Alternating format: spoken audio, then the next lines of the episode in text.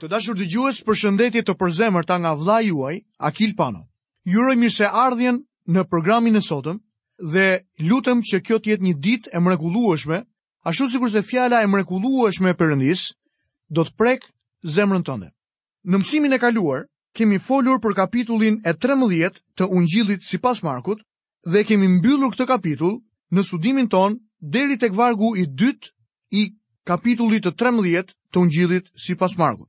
Sot do ta vazhdojmë studimin tonë nga vargjet 3 e poshtë të këtij kapitulli.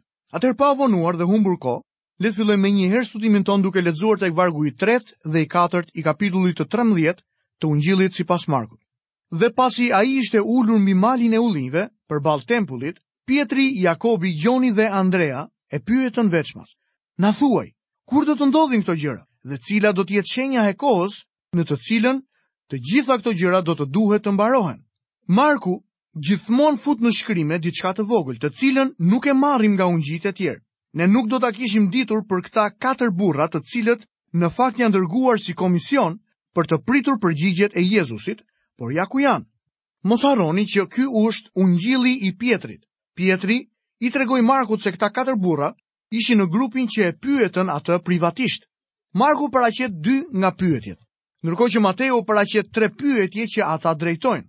Luka jep një pjesë të përgjigjeve, Kur i vendosim të gjitha së bashku, shohim se Mateu i regjistron të trija pyetjet që iu bënë Zotit tonë nga dishepujt. Pyetja e parë ishte: Na thuaj kur do të ndodhin këto gjëra? Dhe kjo i referohet se kur nuk do të mbetet gur mbi gur pa u rrënuar. Luka na jep përgjigjen e Zotit për këtë pyetje. Cila do të jetë shenja e ardhjes tënde? Cilat do të jenë shenjat e fundit të epokës? Është pyetja e tretë që ne shohim. Dhe këtë e pamë tek Ungjilli sipas Markut, në këtë kapitull të cilin jemi duke e studiuar. Mateu dhe Marku japin përgjigjet e dy pyetjeve të fundit. Mateu e jep këtë më të detajuar se Marku, por ne do të shohim se ku e vendos theksin Marku. Mbani mend, ai po u shkruan romakëve. Dhe ai do të tërheqë vëmendjen mbi atë që zbulon, fuqi, veprimtari dhe dramë. Lexojmë nga vargjet 5 dhe 6. Dhe Jezusi duke u përgjigjur atyre, nisi të flasë. Kini kujdes që të mos ju mashtrojë njeri, sepse do të vijnë shumë në emrin tim duke thënë, unë jam, dhe do të mashtrohen shumë veta. Shohim se ky është një paralajmërim i vazhdueshëm, një paralajmërim kundër të krishterëve të rremë. Disa mund të mendojnë që kjo nuk është rrezik për ne sot. Mendoj që kjo është shumë me vend në ditët e sotme. Për shembull, Krishti i liberalizmit është një antikrisht, ai nuk është Krishti i vërtetë. Disa prej jush mund të mendojnë që ata që predikojnë Krishtin e Biblës janë këta persona, por kjo s'është e vërtetë.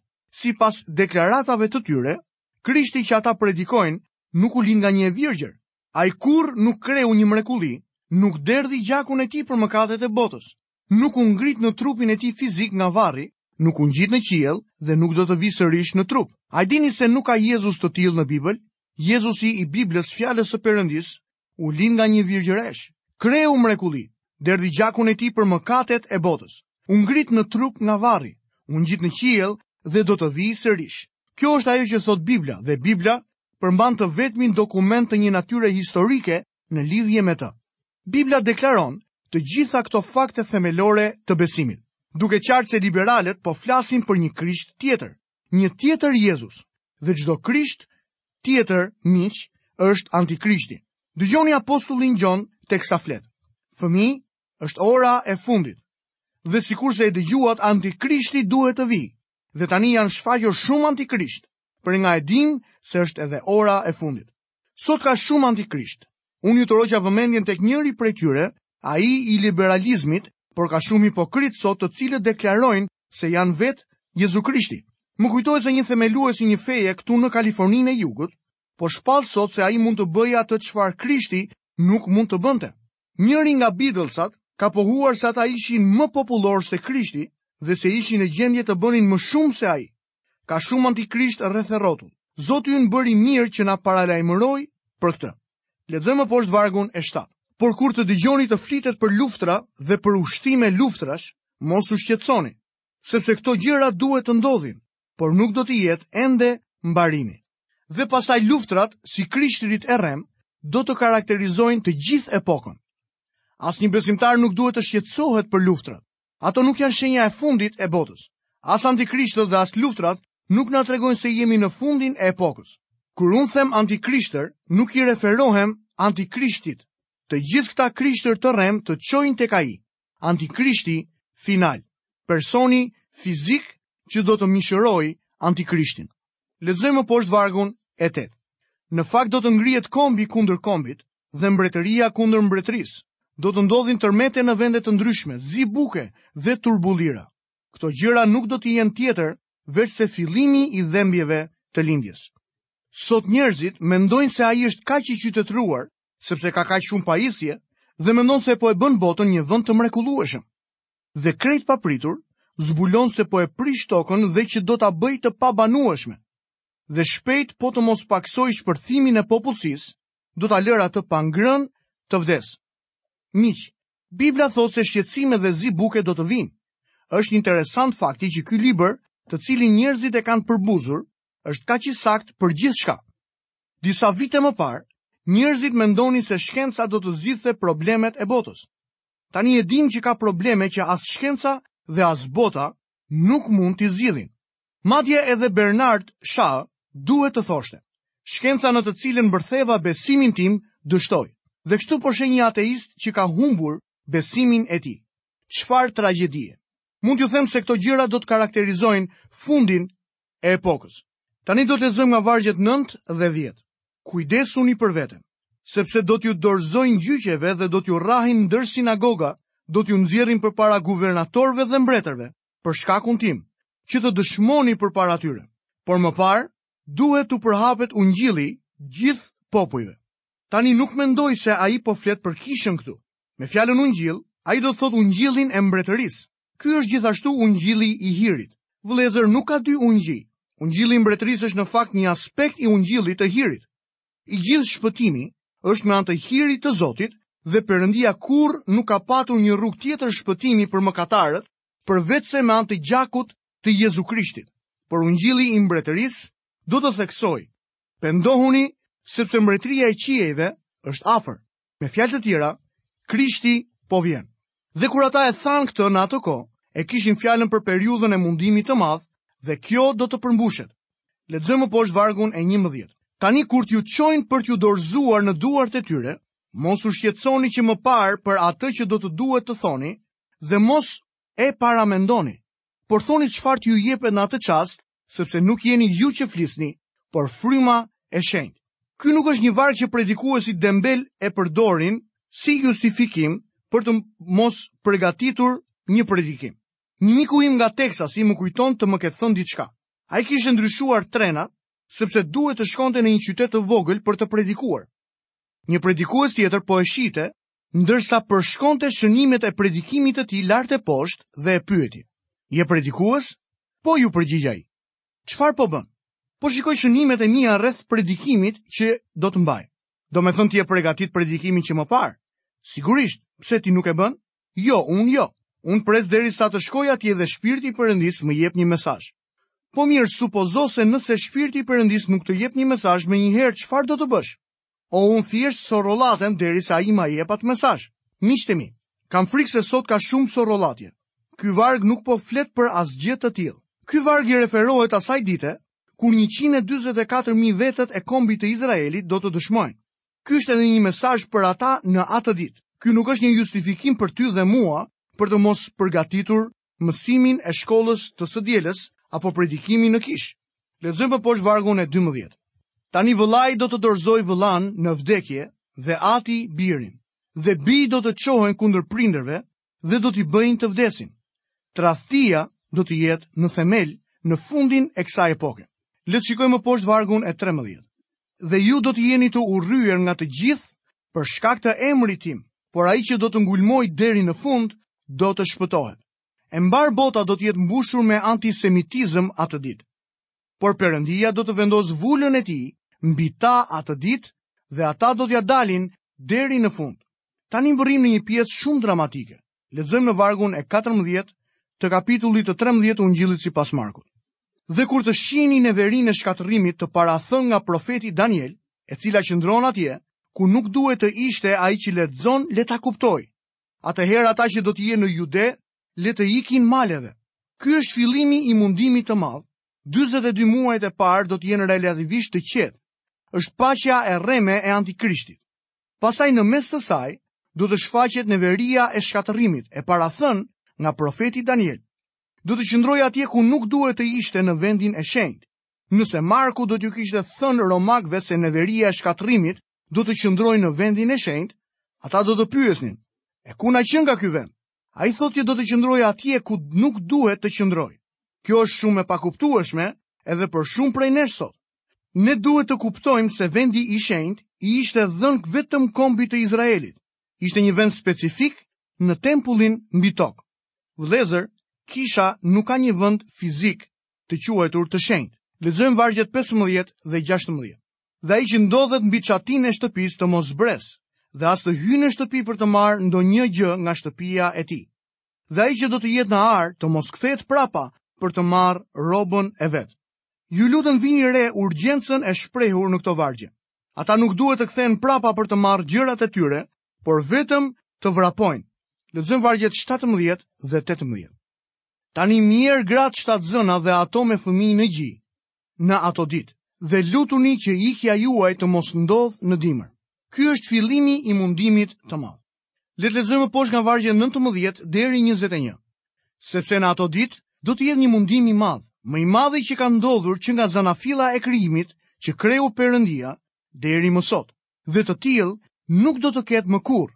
Dhe nëse Zoti nuk do t'i kishte shkurtuar ato ditë, asnjë i gjallë nuk do të shpëtonte. por Zoti i shkurtoi ato ditë për shkak të të zgjedhurve që ai i zgjodhi. Atëherë nëse dikush do t'ju thotë, ja Krishti është këtu, ose është atje, mos e besoni. Ato do të jenë ditë të tmerrshme. Shikojmë më poshtë vargjet 22 dhe 23. Sepse do të dalin krishtër të rremë dhe profetër të rremë dhe do të bëjnë shenja e çudi për të gënjyer po të jetë e mundur edhe të zgjedhurit. Por ju kini kujdes. Ja, unë ju paralajmërova çdo gjë. Krishtër të rremë dhe profetë të rremë do të kryejnë me të vërtetë mrekullira me anë të fuqisë së satanit. Ardhja e dytë e Krishtit prezantohet me anë të errësimit të universit dhe një shfaqje universale e fishekzjarreve qiellore, një përmbushje e profecisë së bërë tek profeti Joel kapitulli 2 nga vargu 28 deri në vargun e 32. Por le t'i kthehemi studimit tonë sërish te kapitulli 13 i Markut, nga vargu 24 deri në 26 do të lexojmë. Por në ato ditë, pas atij mundimi, dielli do të erret dhe hëna nuk do të japë shkëlqimin e vet. Yjet e qiellit do të bien dhe fuqitë që janë në qiej do të lëkunden. Atëherë do ta shohin birin e njeriut duke ardhur në re me pushtet të madh e me lavdi. Ato që Zoti ynë përshkruan nuk janë re shiu, ato janë re lavdie. Unë besoj se është shenja e birit të njeriut në qiell. Le të lexojmë vargun e 27. Atëherë ai do të dërgojë engjëjt e vet dhe do t'i mbledhë të zgjedhurit e vet nga të katër erërat, nga skaji i tokës deri në skaj të qiellit. Ky nuk është rrëmbimi i kishës. Ai nuk dërgon engjëj për t'i mbledhur ata. Ata do të rrëmbehen për të takuar Zotin në ajër. Tani mbërrijmë tek shëmbëlltyra e pemës së fikut. Lexojmë në kapitullin e 13 të Ungjillit sipas Markut, vargjet 28 dhe 29. Tani mësoni nga shëmbëlltyra e fikut. Kur degët e tij njomësohen dhe nxjerrin gjethe, ju e dini se vera është afër. Kështu edhe ju, kur do të shihni se po ndodhin këto gjëra, ta dini se ai është afër, madje tek dera. Pema e fikut flet për kombin e Izraelit. E pranoj se këtu ka edhe mosmarrëveshje dhe nuk i kundërshtoj njerëzit që nuk bien dakord me mua, dhe mendojnë që pema e fikut mund të jetë diçka tjetër. Por unë personalisht mendoj se ky është një shkrim që e bën të qartë këtë gjë. Mbi të gjitha, kombi i Izraelit është pjesa e kohës së Zotit. Ai thotë që ne duhet të shohim pemën e fikut. Le të lexojmë më poshtë vargun e 30. Në të vërtetë po ju them se ky brez nuk do të kalojë derisa e gjitha kjo të ketë ndodhur. Ky brez i referohet kombit të Izraelit. do të mësohet pathyeshmëria e këtyre njerëzve ose ky brez mund t'i referohet një gjenerate njerëzish dhe jetëgjatësisë së tyre. Në këtë rast, do të thotë se ata që panë fillimin e këtyre ngjarjeve, do të shohin edhe fundin gjithashtu. Më duket se kuptimi i dytë është më i qartë për mua. Theksi vendoset më shumë në shpejtësinë në të cilën do të përhapen këto ngjarje sesa në qëndrueshmërinë e kombit të Izraelit. Gjithsesi, të dy faktet mbështeten nga shkrimi. Lexojmë poshtë vargun e 31 dhe të 32. Qielli dhe toka do të kalojnë, por fjalët e mia nuk do të kalojnë. Sa për atë ditë dhe për atë orë, askush nuk e di, as engjëjt në qiell, as biri, por vetëm Ati.